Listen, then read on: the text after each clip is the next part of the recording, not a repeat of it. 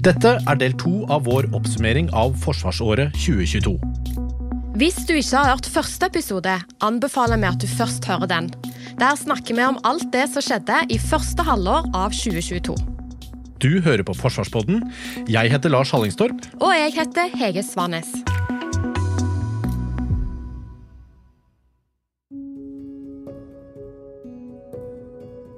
Og nå skal vi til Østersjøen. For den 26. september begynte det å boble kraftig i sjøen utenfor den danske øyen Bornholm. Danskene sendte ut jagerfly for å undersøke hva som hadde skjedd. Ja, Omtrent samtidig registrerte tyskerne et stort fall i trykket i gassrørledningene Nord Stream 1 og 2. Og svenske forskere de registrerte rystelser med styrke på 1,9 på Richters skala kraftige eksplosjoner ved gassrørledninger. Danmark og Sverige setter krisestab. Dette er sabotasje, hevder Polen. Til å begynne med er det uklart om det er sabotasje som har ført eksplosjonene ved gassrørledningene. Det er nå myndighetenes klare det er tale om bevisste handlinger. Det er ikke tale om uhell. Dette trolig rør seg om en medveten handling. Det er altså trolig en fråga om et sabotasje. Det vi ser, og det de som har fulgt med på havbunnen og kan registrere eksplosjoner, tyder jo på at det er la meg kalle det, en villet handling. Eh, det skjer ikke slike eksplosjoner samtidig på tre forskjellige steder eh, ut fra en ulykke. Så det er grunn til å tro at dette er villet. Og så får vi jo jobbe for å finne mer ut av hva som skjer, og det jobber jo nå dansker og svensker og tyskere veldig intenst med. Men det understreker det at gass er i sentrum av den konflikten som er i Europa nå. Eh, forlengelsen av den forferdelige Ukraina-krigen. Men etter hvert ble det tydelig at dette var sabotasje. EU har i dag slått fast at ødeleggelsene skyldes sabotasje, men russiske myndigheter avviser at de står bak. Eksplosjonen i Østersjøen gjør at Norge nå øker beredskapen ved norske olje- og gassinstallasjoner. Og Heimevernssoldater blir satt inn som væpna vakter ved de store anleggene. Her forklarer sjef i Bergen hus heimeverndistrikt, Kristoffer Knutsen, hva oppdraget nå går ut på.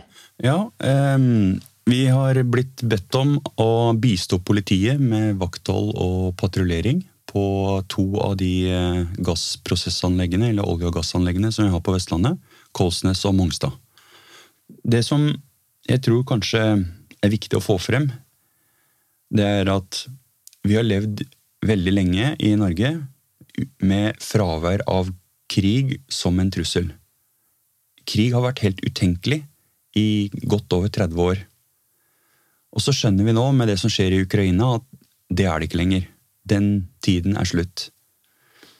Så vi må gjøre en del tiltak nå Eh, både den enkelte i samfunnet og organisasjoner som jobber med kriseberedskap og beredskap generelt, for å sette oss i stand til å håndtere også krig. Og det kan virke veldig voldsomt, men det er ikke farlig. Det er egentlig slik det har vært i, i mange, mange år, for de som begynner å trekke litt på åra som meg. Eh, og så ble det slutt eh, ut på begynnelsen av 90-tallet. Eh, og nå er det dessverre tilbake en slik at eh, vi, vi, må, vi må ta inn over oss at krig kan skje også i vårt nærområde.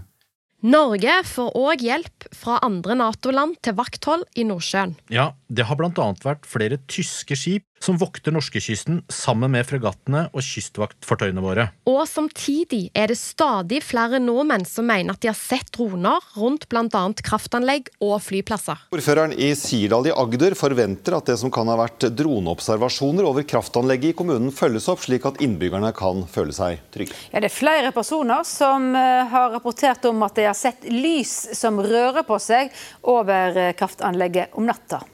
PST tar nå over etterforskningen av droneobservasjonene og sier at de opplever økt både etterretningstrussel og sabotasjetrussel mot Norge. Fra PSTs side så er det sånn at vi står fast ved den vurderingen som vi har trukket fram nå over litt tid, om at vi mener det er en forhøya etterretningstrussel fra Russland som følge av krigen. Og Vi vurderer òg at uh, sabotasjetrusselen mot Norge er mer reell nå enn det den var før krigen. Oberstløytnant Geir Hågen Karlsen ved Forsvarets høgskole kommenterer sabotasje- og etterretningstrusselen mot Norge. Ja, det kan jo være forberedelser for sabotasje. og så er det jo sånn at Etterretningsvirksomhet må alltid oppdateres og pågår kontinuerlig. Eh, men det er jo en veldig dårlig dag for etterretningsvirksomhet når hele Norge ser etter droner, og det har vi jo gjort en stund.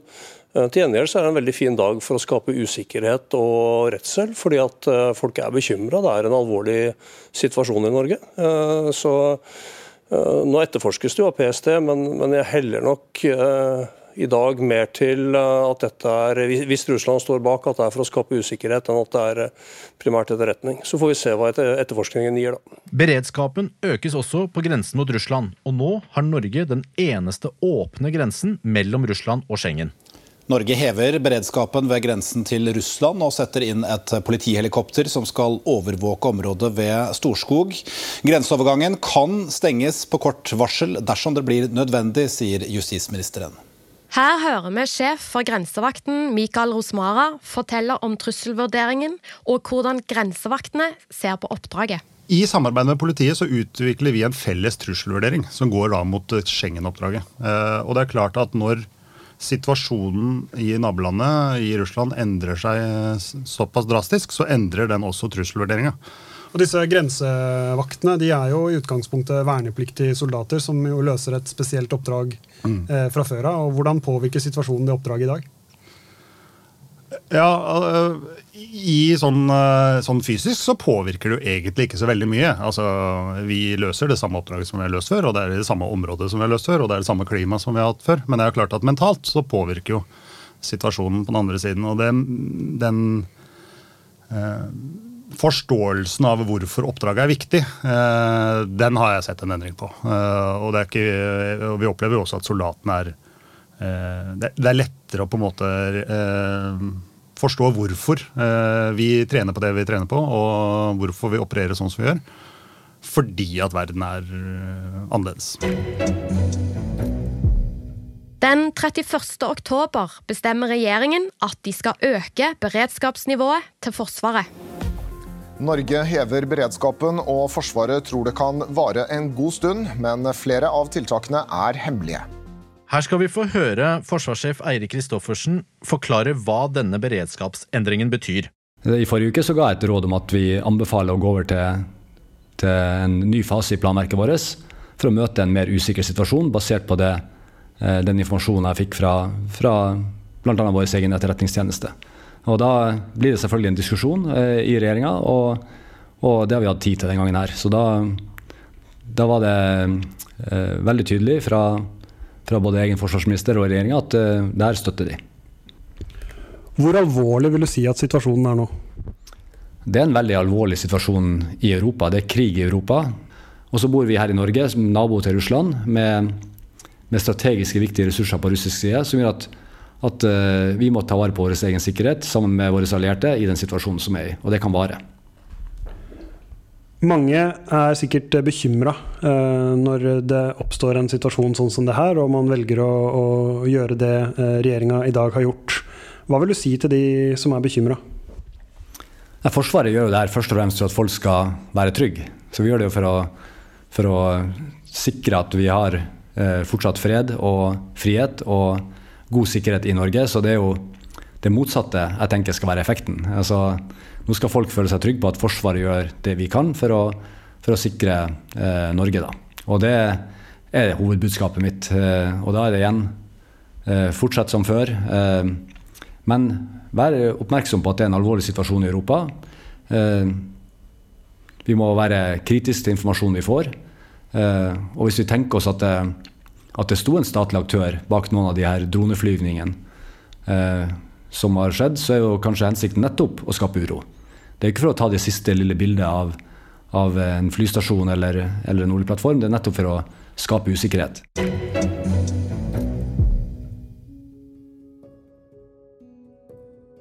Selv om beredskapen har økt her hjemme, har vi likevel vært med på mange internasjonale oppdrag. Ja, for i tillegg til de oppdragene som vi allerede har snakket om uh, i Litauen og England, så har Forsvaret hatt offiserer i FN-bidraget på Kypros. I Bahrain, der de kjemper mot eh, piratvirksomhet. Og vi har hatt offiserer i Qatar, Israel, Syria, Libanon og Sør-Sudan. Tillegg har vi styrkebidrag i Irak og Jordan. Og samtidig har Norge bidratt med to fartøy som sammen med Nato patruljerer og overvåker havområdene i Europa. Et oppdrag som tok slutt i 2022, var Norges bidrag til det som har blitt kalt verdens farligste FN-operasjon. Nemlig operasjon MINUSMA i Mali.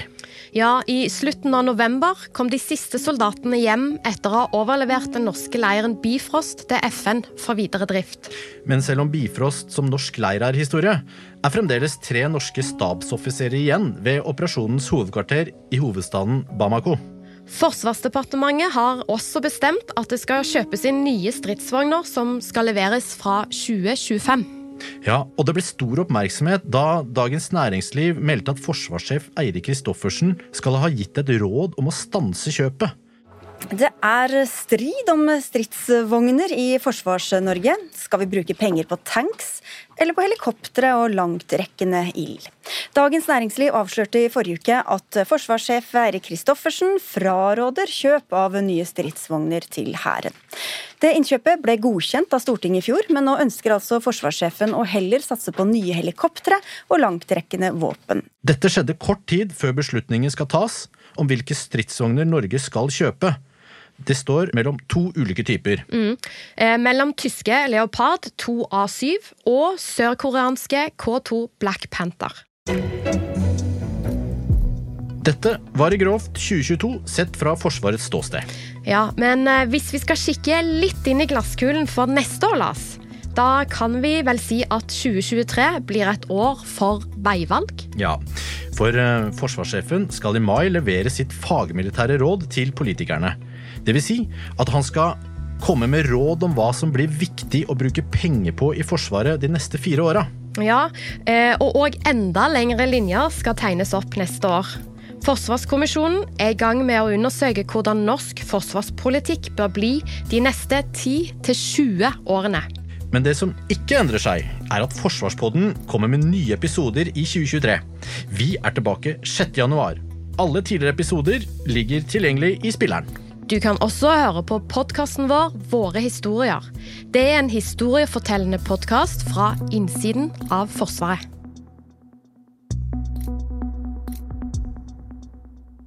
Du har hørt på del to av Forsvarspoddens oppsummering av 2022. Likte du det du hørte? Del gjerne episoden med venner og kjente, og husk at hvis du abonnerer, så kommer nye episoder rett på telefonen din. I denne episoden har du hørt klipp fra NRK. De som lager Forsvarspodden, er Jørgen Lyngvær, Thomas Haraldsen, Kristine Hellesland, Fredrik Tandberg Hege Svanes og meg, Lars Hallingstorp.